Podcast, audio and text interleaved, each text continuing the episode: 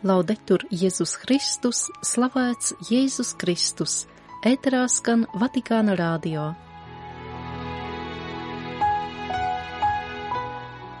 Sestdienas 2. marta raidījumā bērna zaudējums nes lielas mokas, taču nāvei nepieder pēdējais vārds, teica pavests tiekoties ar vecāku apvienību, kuri zaudējuši savu bērnu ir atklāts jaunais 95. Vatikāna valsts tribunāla gads. Francisks pieņēma audiencē trauslāko sabiedrības locekļu aprūpes kopienu katedrā diakoļienca. Redījuma noslēgumā māsas Emanueles sagatavotās garīgās pārdomas par gavēšanas nozīmi rubrikā Emmausas vakari. Redījumu noklausīties aicina Inese Šteinērte. Vēl jums patīkamu klausīšanos!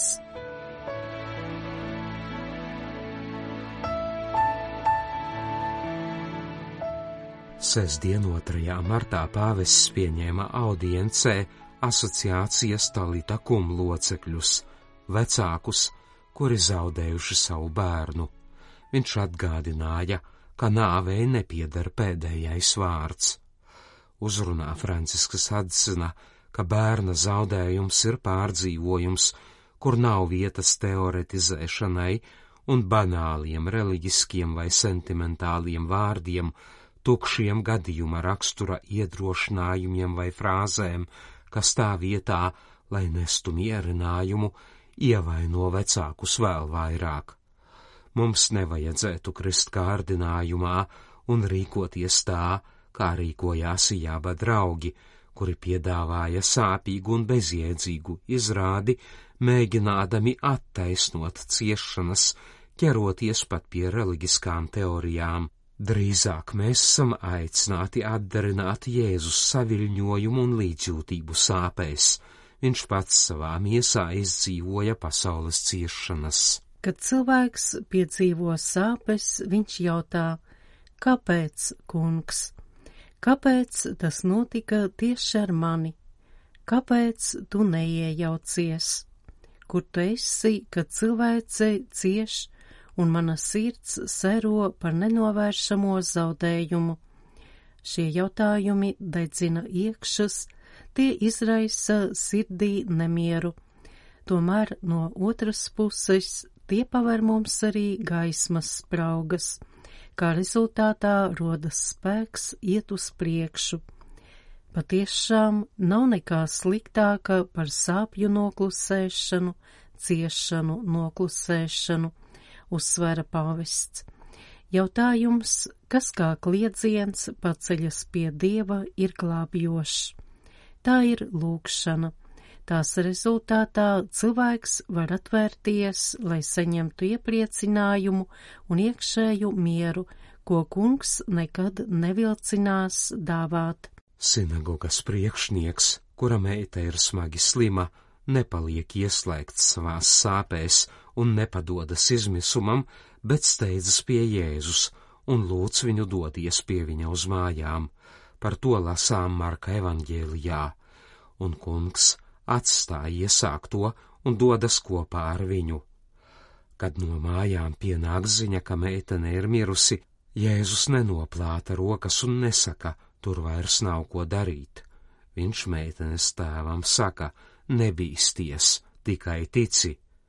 Ienācis istabā, viņš paņem meitenes roku, saka talita kum, meitene celies un viņu pieceļ. Pavists norādīja, ka šī epizode mums atklāja kaut ko svarīgu. Dieva pirmā atbilde ciešanās ir nevis uzruna vai teorija, bet būšana līdzās un iešana kopā. Mūsu sāpes aizkustina Jēzus sirdi. Viņš mūs nepamet, bet atbrīvo mūs no mūsu smaguma nastas. Viņš vēlas ienākt mūsu mājās, mūsu sirds namā un mūsu ģimenēs, ko satricinājusi nāve. Jēzus vēlas būt mums līdzās. mierināt mūs, sniegt savu roku, lai mūs atkal pieceltu, kā to izdarīja ar sinagogas priekšnieka Jaira meitu. Jēzus vēlas noslaucīt mūsu asaras un mūs iedrošināt, sakot, nāvei nepieder pēdējais vārds. Kungs mūs neatstāja bez mierinājuma, viņš ir miera avots Viņš mūs aicina celties un nezaudēt cerību un dzīves prieku.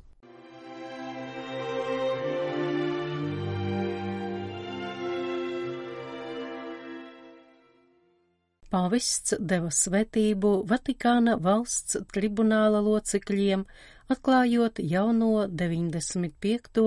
tribunāla gadu. Sestdien, 2. martā, pieņemot viņus audiencē, Francisks atgādināja par daudzajām netaisnībām un pārbaudījumiem, tādiem kā kari un cilvēktiesību pārkāpumi, kuru priekšā viņš aicināja nenolaist rokas, bet censties mainīt nepieņemamās realitātes. Sekojot notikumiem, kas prasa taisnības pielietojumu, tai skaitā arī Vatikāna valstī, Romas bīskaps aicināja nezaudēt drosmes tikumu, kuru var stiprināt tiekoties ar Kristu, un kas ir svētā gara auglis, kuru var saņemt tik viens, kurš to piesauc.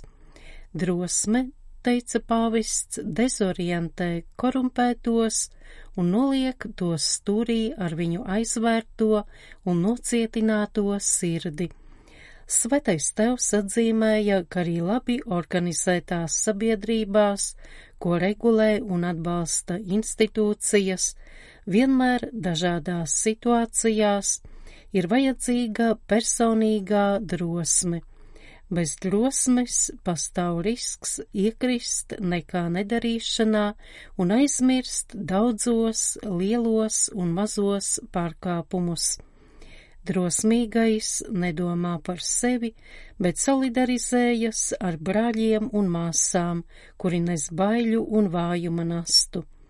Šādu drosmi varam apbrīnot daudzos vīriešos un sievietēs, kuri dzīvo smagos pārbaudījumos, teica pavists, pieminot karu upurus un tos, kuri nemitīgi tiek pakļauti cilvēktiesību pārkāpumiem Šādu netaisnību priekšā spēku neatkāpties dod svētais gars.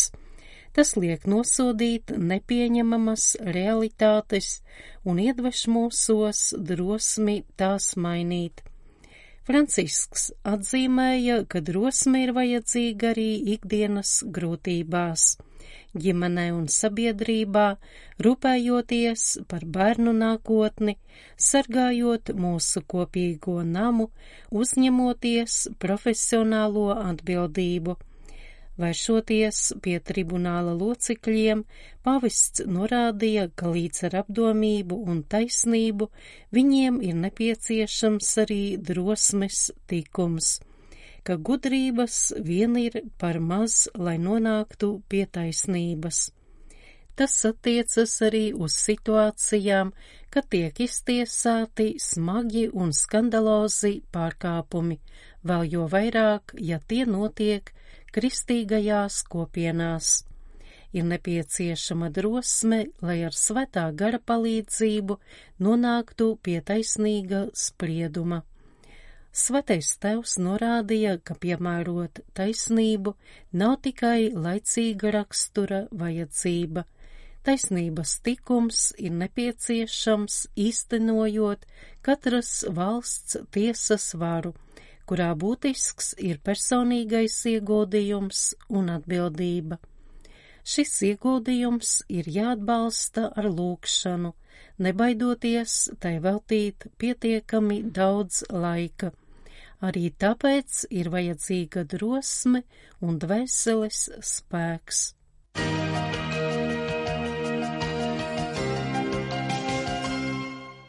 Piektdien, 1. martā, pavists pieņēma audiencē Itālijā izveidotās kopienas katedra diakoļienca pieņemšanas katedrā dalībniekus. Kopiena palīdz trauslākajiem sabiedrības locekļiem, tāpēc Francisks to nosauca par tipiski evaņģēlisku.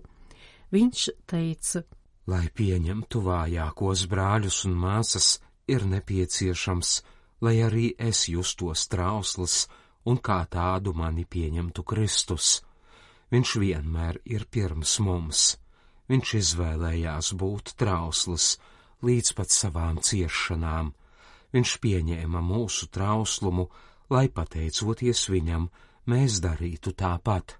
Pavists atzīmēja, ka noenkuroties evaņģēlijā Jēzu ir veids, kā izvairīties no operatīvisma, kam nav nekā kopīga ar kristīgo tuvāk mīlestību.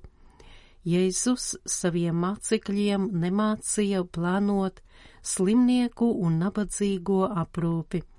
Jēzus pats atrasdamies trauslāko ļaužu vidū, tādam pašam dzīves stilam vēlējās audzināt savus mācekļus. Runājot par kristīgo tuvāk mīlestību, svētais tēvs norādīja. Mums trauslums nedrīkst nozīmēt politiski korektu tematu vai labu darbu organizēšanu vien. Saku to, jo risks diemžēl pastāv, un tas vienmēr var ievilināt slazdos, neraugoties uz labo gribu. Trauslums var kļūt par kategoriju, cilvēki par individiem bez sejas, kalpojums par sava darba pārdošanu, īpaši tas var gadīties lielajās un struktūrētajās realitātēs, bet izslēgtas nav arī mazākās. Francisks atgādināja, ka nabadzīgie, trauslie cilvēki nav objekti, tie ir subjekti Kopā ar Jēzu viņi ir Dieva valstības sludināšanas virzošais spēks. Romas bīskaps izcēla kopienas nozīmi, lai vienkāršībā un pateicībā dalītos apslēpto evaņģēlija liecinieku stāstos. Viņš minēja tādus piemērus kā Bartimejs, aklais no Jērikas, kā arī Magdalēna. Tie ir daži piemēri starp daudzajiem, kuri varētu liecināt par to, kā piedalīties augšām celšanās priekā. Pāvests apliecināja, ka tad, ja trauslos sabiedrības locekļus pieņemam ar Kristus žēlastību un viņa stilu, tie var kļūt par evaņģēlija klātbūtni ticīgo kopienā un visā sabiedrībā.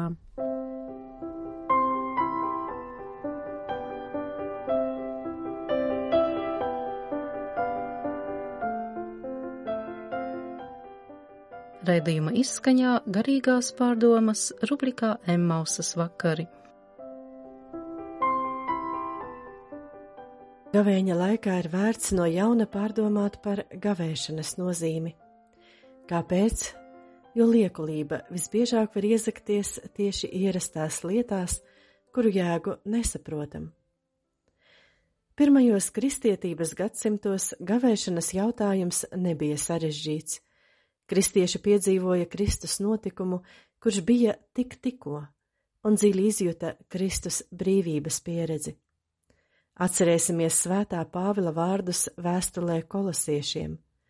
Viņš izdeldējis pret mums vērsto parādu rakstu ar visām tā prasībām un paņēmis to no mūsu vidus pieneglodams pie krusta.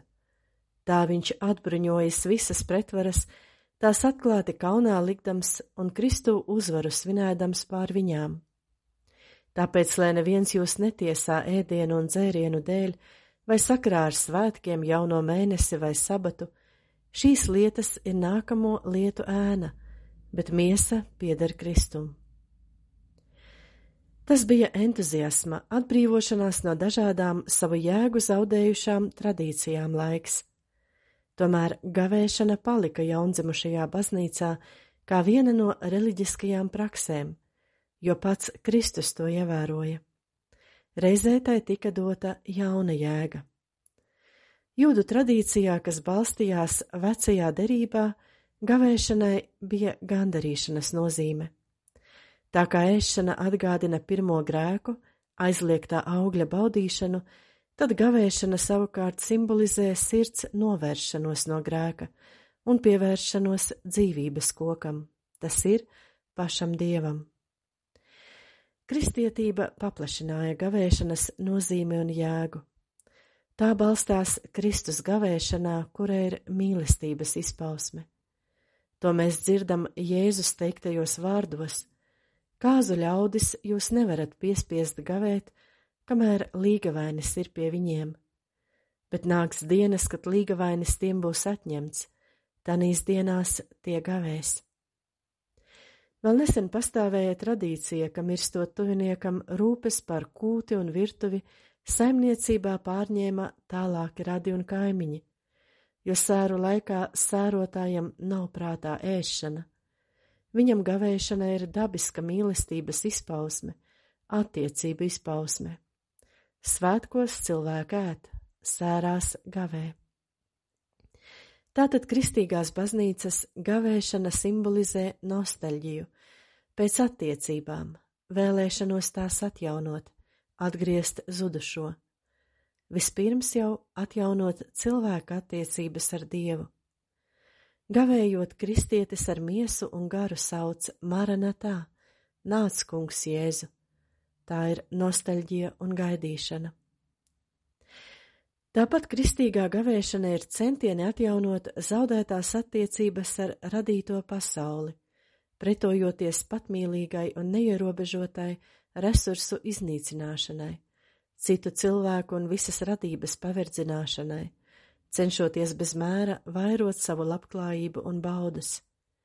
Dievs radīja cilvēku ne kā tirānu, bet kā radības dārza saimnieku, kuram uzticētas rūpes par vājākajiem un visu radību.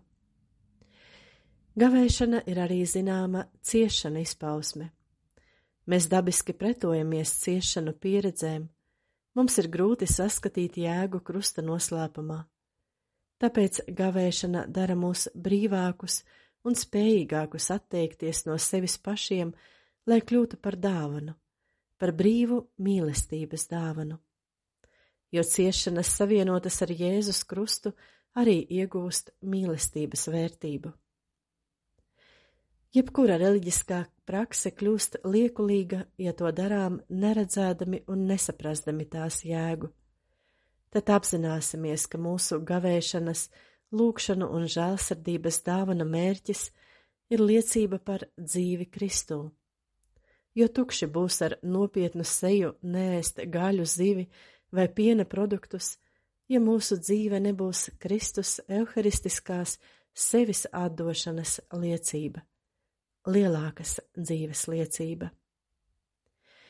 Pārdomas sagatavotas izmantojot Dominikāņu brāļa Jēkaba Marijas Goštauta gavēņa laika meditāciju, gavēšana un liekulība.